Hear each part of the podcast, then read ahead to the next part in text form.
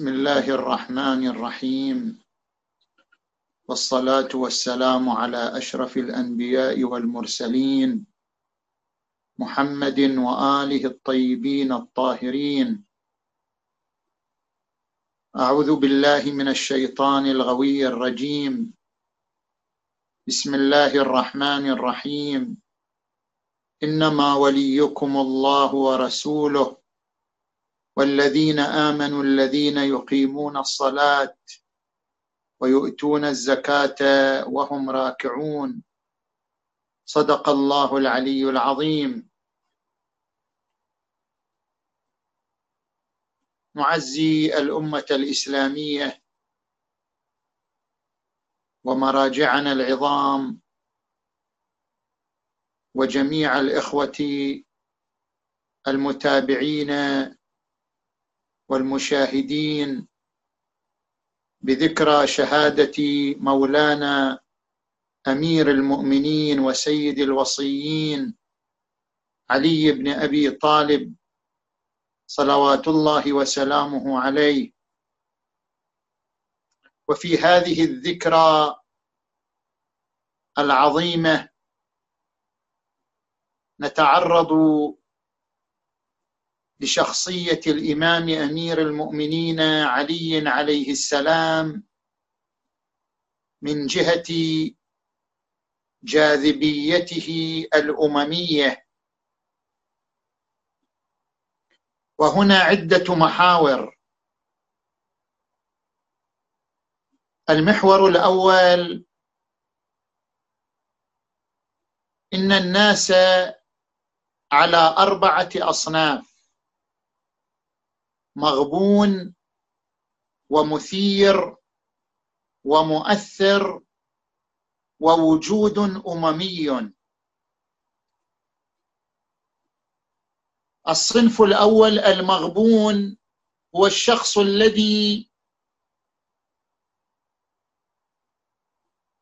يعيش روتينا محدودا لا يتغير عمله لا يتغير نمطه في الحياة لا يجدد لا يبدع لا يطور من نفسه. يمشي على روتين صارم في كل يوم من أيام حياته. فهذا شخص مغبون لأنه لا يؤثر ولا يثير. وقد ورد عن الإمام امين وقد ورد عن الإمام الكاظم عليه السلام من تساوى يوماه فهو مغبون لأنه لا يضيف جديدا لا إلى نفسه ولا إلى المجتمع. الصنف الثاني الشخص المثير. هناك شخص مثير بسلوكه القيمي. عندما يكون شخصا متواضعا خلوقا فهو يثير الالتفات إليه. يوجب حسن الذكر بالنسبة إلى شخصيته. هو من مصاديق والكاظمين الغيظ والعافين عن الناس والله يحب المحسنين. هذا شخص مثير إثارة جي إثارة إيجابية. وهناك شخص مثير إثارة سلبية. الذي يتخذ اسلوبا عدوانيا أو وحشيا ضد المجتمع أو ضد بعض جهات المجتمع أو يستخدم أساليب استفزازية من أجل إلفات نظر الآخرين إليه إلى كلامه إلى سلوكه. هذا شخص مثير إثارة سلبية. الصنف الثالث الشخص المؤثر. أي الذي أبدع وأعطى نتاجا متطورا أعطى نتاجا محلقا. اقتضى أن يؤثر في مستوى من مستويات المجتمع. أبو الطيب المتنبي أحمد شوقي صنف مؤثر بأدبه بشعره لأنه شغل المجتمع وشغل الناس بادبه إينشتاين في تحليقه في سماء الفيزياء شغل المجتمع بعلمه. هذا يعتبر شخصا مؤثرا. الصنف الرابع الشخص الأممي. الشخص الذي ليس مغبونا ولا مثيرا ولا مؤثرا فقط بل هو أعظم من ذلك كله. إنه وجود أممي. شخص جميع الأمم تلهج بذكره. شخص جميع مستويات المجتمع تتأثر به. جميع طبقات المجتمع تتغنى بفضائله. هذا شخص أممي. تحول من وجود شخصي إلى وجود أممي لأن شخصية الإنسان على قسمين شخصية حقيقية وهي هذه الشخصية المادية كتلة لها أبعاد أربعة من طول وعرض وعمق وزمن. وهناك شخصية معنوية هذه الشخصية المعنوية إذا تحولت إلى وجود أممي بلغت أرقى درجات التأثير. القرآن الكريم عندما يذكر إبراهيم عليه السلام ويقول إن إبراهيم كان أمة. لأن جميع الأديان في عصرنا الحاضر هي أديان إبراهيمية. ترجع إلى إبراهيم الخليل عليه وعلى نبينا وآله أفضل الصلاة والسلام. إني وجهت وجهي وأسلمت أمري للذي فطر السماوات والأرض حنيفا مسلما وما أنا من المشركين. النبي محمد صلى الله عليه وآله وجود أممي. كل اللغات كل الأعراق كل القوميات تتغنى بذكر محمد صلى الله عليه وآله. وهذا مصداق للآية المباركة وما أرسلناك إلا رحمة للعالمين. أمير المؤمنين علي بن أبي طالب. شخصية أممية. تحول من وجود فردي إلى وجود أممي. تحول إلى أغنية تتغنى بها كل المجتمعات البشرية التي تعشق الفضيلة وتعشق القيم المثلى. أمير المؤمنين ليس شخصية حقيقية كتلة من الجسم عاشت على الأرض وماتت. إنما هو شخصية معنوية ملأت الآفاق. ضرار عندما دخل على معاوية بن أبي سفيان. قال له معاوية يا ضرار صف لي عليا. قال له اعفني. قال أبيت عليك إلا أن تصف لي عليا. قال كان والله بعيد المدى شديد القوى. يقول عدلا ويحكم فصلا يستأنس بالليل ووحشته ويستوحش الدنيا وزهرتها. يعجبه من الطعام ما جشب ومن اللباس ما خشن. يتحبب إلى المساكين ويعظم أهل الدين. إلى أن ذرفت دموع معاوية على خديه قال هكذا كان أبو الحسن. أبو الحسن وجود أممي.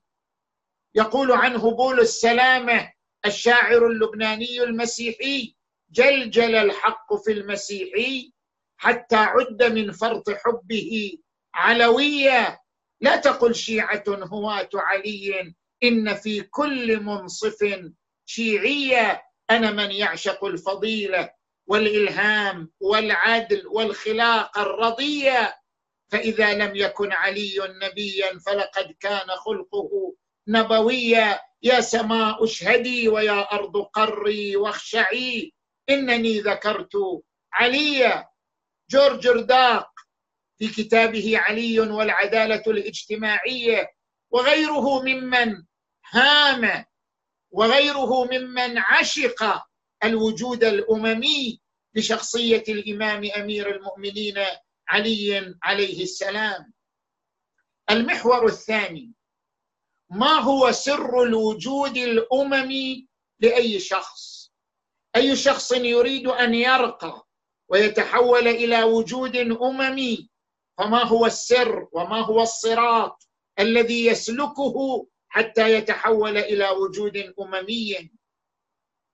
السر هو الجاذبية الإنسانية الفطرية. ما معنى الجاذبية الإنسانية الفطرية؟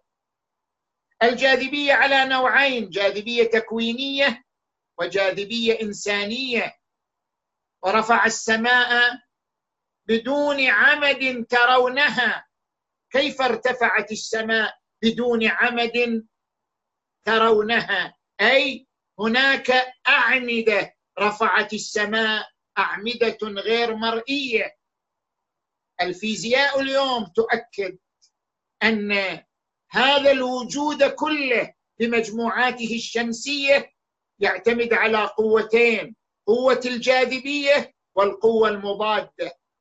لولا قوة الجاذبية لتناثرت كل أجزاء الكون ولم يبق هناك فلك ولا حركة ولا انتظام. ولولا القوة المضادة لالتصقت وارتطمت أجزاء الكون بعضها ببعض آخر. فمن أجل تحصيل التوازن وضعت هذه الأعمدة غير المرئية من قوة الجاذبية والقوة المضادة. هذه هي الجاذبية التكوينية وهناك جاذبية بشرية وجدانية. ما هو المقياس والمعيار في الجاذبية الإنسانية البشرية؟ هناك ثلاثة عوامل للجاذبية البشرية.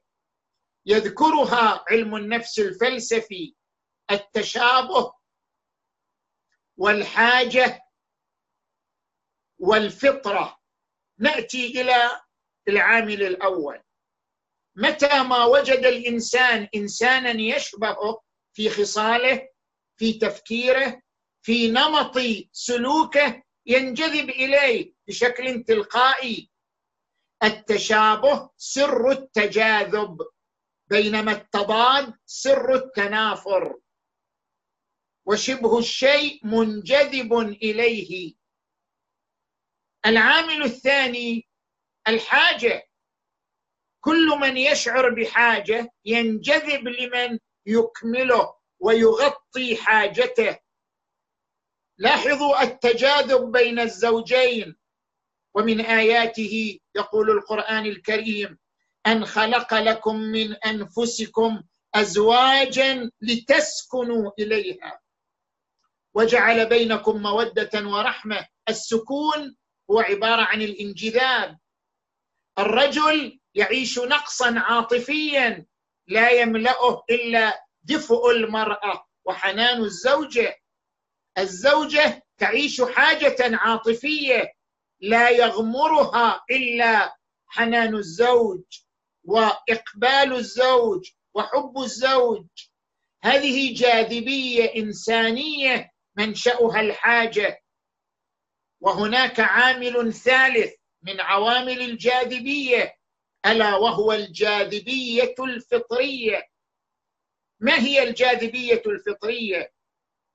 كل إنسان مؤمنا أو غير مؤمن ولد وهو بفطرته يعشق القيم. حتى الذي يرفض القيم هو يعشق القيم. الكاذب يعشق الصدق. الظالم يعشق العدالة الخائن يعشق الأمانة. كل البشر تعشق القيم السماوية تعشق القيم الإنسانية تعشق القيم الكمالية.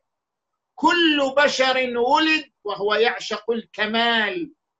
وهذا ما عبر عنه القرآن الكريم في قوله تبارك وتعالى فأقم وجهك للدين حنيفا فطرة الله التي فطر الناس عليها. الدين فطرة والدين هو عبارة عن القيم والمثل. وقال تبارك وتعالى ونفس وما سواها فألهمها فجورها وتقواها. قد أفلح من زكاها وقد خاب من دساها. كل إنسان يعشق القيم لأنه يميل ميلا فطريا وينزع نزعة وجدانية نحو القيم قيم الكمال الفضيلة التقوى الصدق الأمانة العدالة. فلأجل ذلك حتى الظالم الذي يمارس الظلم هو يعتبر نفسه عادلا لأنه يعشق العدالة.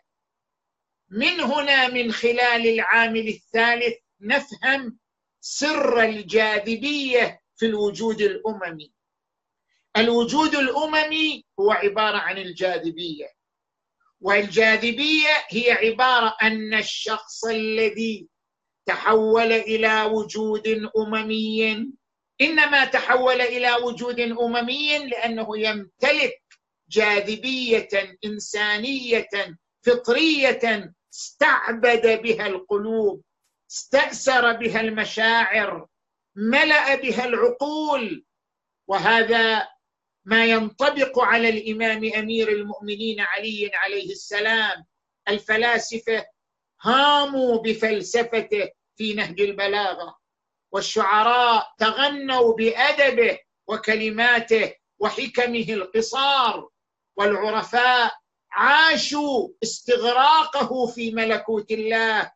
من خلال الخشوع والعبادة.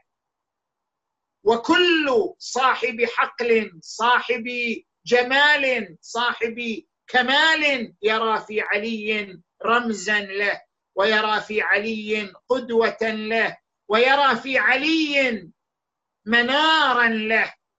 ويقول المتنبي وتركت مدحي للوصي تعمدا إذ كان نورا مستطيلا شاملا. وإذا استطال الشيء قام بنفسه وصفات ضوء الشمس تذهب باطلا. هذا الاست... هذه الاستطالة وهذا الامتداد وهذا الوجود الذي يسري في كل شيء هو عبارة عن الوجود الأممي الذي قام على الجاذبية الفطرية. كل إنسان يعشق الكمال وعلي مظهر الكمال فهو يعشق علي. وإن كان يكره شخص علي قد تجد إنسانا مناوئا يكره شخص علي لكنه يعشق عليا من خلال كماله. الإنسان ملون بلونين لون شهواني لون عقلاني. إذا نظر إلى علي من خلال نظارته الشهوات شهوانية فإنه يبغض عليا لأن عليا يقف سدا أمام الشهوات. ولكنه إذا نظر لعلي بنظارته العقلانية الإنسانية عشق عليا لأن عليا مظهر القيم الكمالية كلها. فسر الوجود الأممي هو هذه الجاذبية الفطرية التي ملكها علي بن أبي طالب. المحور الثالث. الولاء الذي تحدث عنه القرآن الكريم عندما قال إنما وليكم الله ورسوله والذين آمنوا الذين يقيمون الصلاة ويؤتون الزكاة وهم راكعون. الولاء هو معناه الانجذاب لتلك القيم عبر الاعتقاد بالإمامة الجعلية الإلهية لعلي بن أبي طالب صلوات الله وسلامه عليه. الولاء قد يكون ولاء مصالح وقد يكون ولاء مبادئ. أصحاب معاوية بن أبي سفيان كانوا موالين له ولاء مصالح. لأنه يشبعهم يطعمهم يملأ أكراشهم وجيوبهم بما يشتهون. أما أصحاب علي بن أبي طالب فكان ولاؤهم له ولاء مبادئ. ميثم التمار عاش فقيرا ومات فقيرا.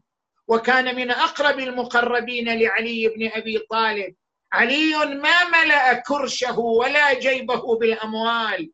لكن عليا ملأ قلبه ووجدانه بالمبادئ والقيم حتى أن ميثم التمار عندما أريد صلبه وقف عند النخلة التي صلب عليها وهو يبتسم ويقول ألا أحدثكم عن سيدي أمير المؤمنين علي بن أبي طالب؟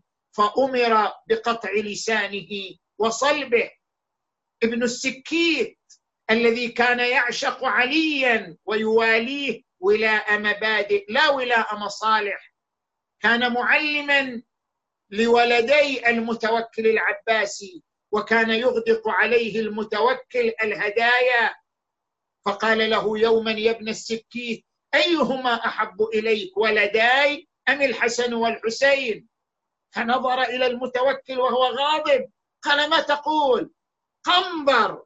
خادم علي بن أبي طالب أحب إلي منك ومن ولديك فكيف بعلي أمير المؤمنين؟ فأمر بقطع لسانه وصلبه. اذا هذا هو ولاء المبادئ. هذا هو الولاء الذي يعبر عن الانجذاب الفطري نحو مجمع الكمال ومنار قيم الكمال. هذا الولاء الذي يؤكد الوجود الأممي لعلي بن أبي طالب عليه السلام. من هنا نأتي إلى ما ذكره الرسول الأعظم صلى الله عليه وآله في حق علي بن أبي طالب تاكيدا لجاذبيته الأممية. قال ذكر علي عبادة. هناك حديثان حديث ذكر علي حسنة. لا تضر معها سيئة. وهناك حديث ذكر علي عبادة. الحسنة هي الفعل الجميل. من جاء بالحسنة فله عشر أمثالها. الصدقة حسنة النافلة حسنة الكلمة الطيبة حسنة. أما العبادة فهي مقام أرقى من الحسنة.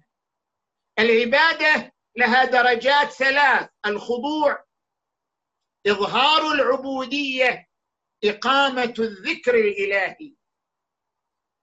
العبادة بمعنى الخضوع قد يكون الخضوع ذاتيا وقد يكون الخضوع قصديا. السجود عبادة ذاتية لأنه خضوع قهري. سواء قصد الإنسان الخضوع أم لم يقصد. متى ما سجد فقد خضع. أما الصوم وهو الإمساك عن المفطرات فهو لا يكون عبادة حتى يقصد به الإنسان الخضوع والتذلل لله تبارك وتعالى. فالعبادة بمعنى الخضوع قد تكون ذاتية كالسجود وقد تكون قصدية كالصيام.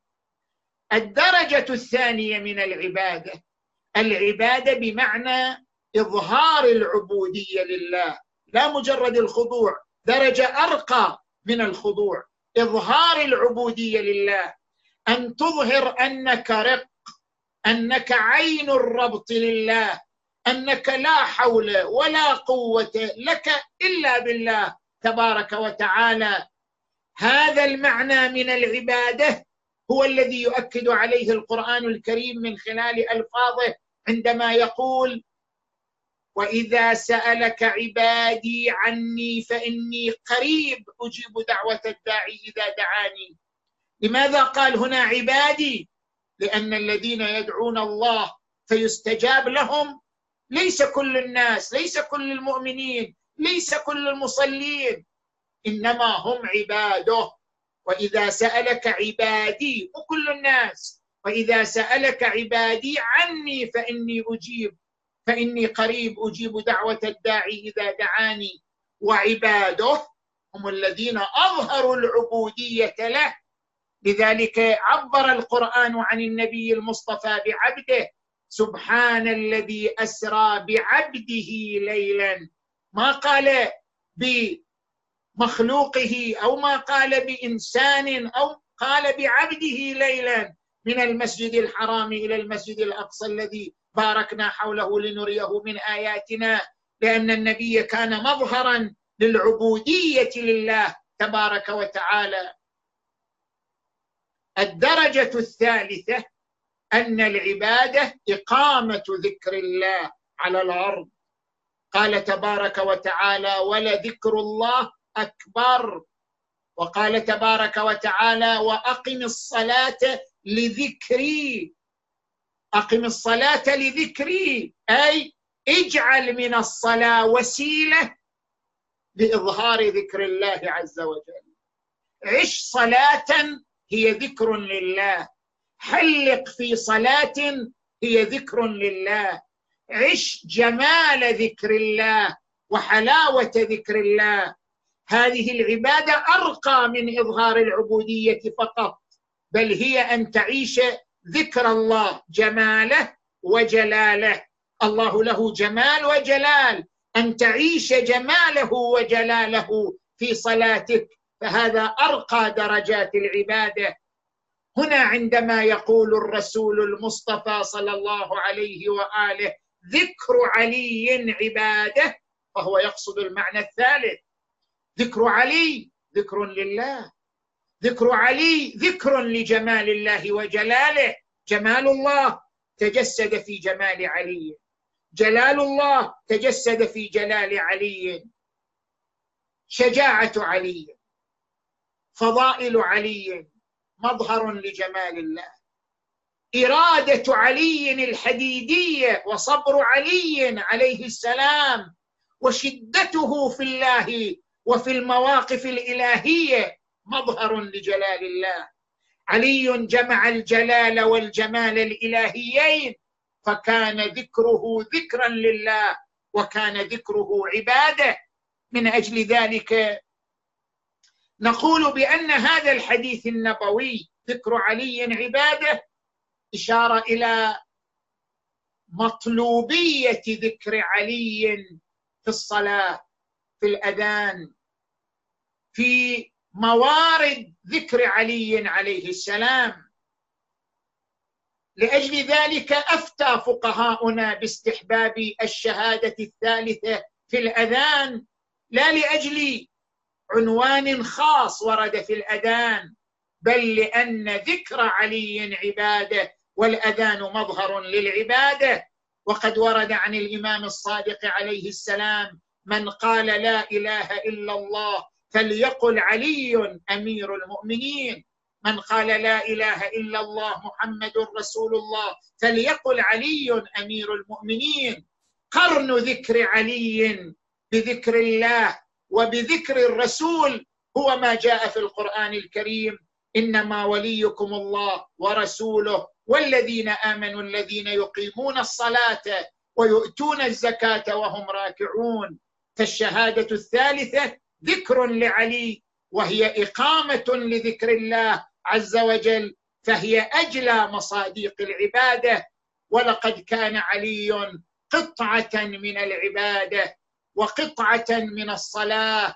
بدأ حياته بذكر الله بدأ حياته ببيت الله حيث ولد على الرخامة الحمراء في بيت الله وختم حياته شهيدا في بيت الله. سقط صريعا في محرابه وهو يتلو ذكر الله.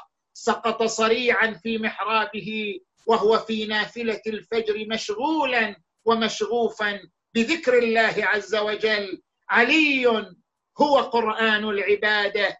بدأ ببيت العبادة وانتهى ببيت العبادة. مات والصلاة بين شفتيه. مات وذكر الله بين شفتيه. سقط في محرابه وهو يقول فزت ورب الكعبة لأن حياته كلها ملأها في القرب من الله وذكر الله والارتباط بالله. اللهم اجعلنا علويين اللهم اجعلنا ممن لهج بذكر علي وسار على خطى علي. اللهم اجعلنا مع علي دنيا وآخرة. اللهم ارزقنا في الدنيا زيارته وفي الآخرة شفاعته ولا تحرمنا خدمته وخدمة آله الطيبين الطاهرين. والحمد لله رب العالمين. والصلاة والسلام على محمد وآله الطيبين الطاهرين.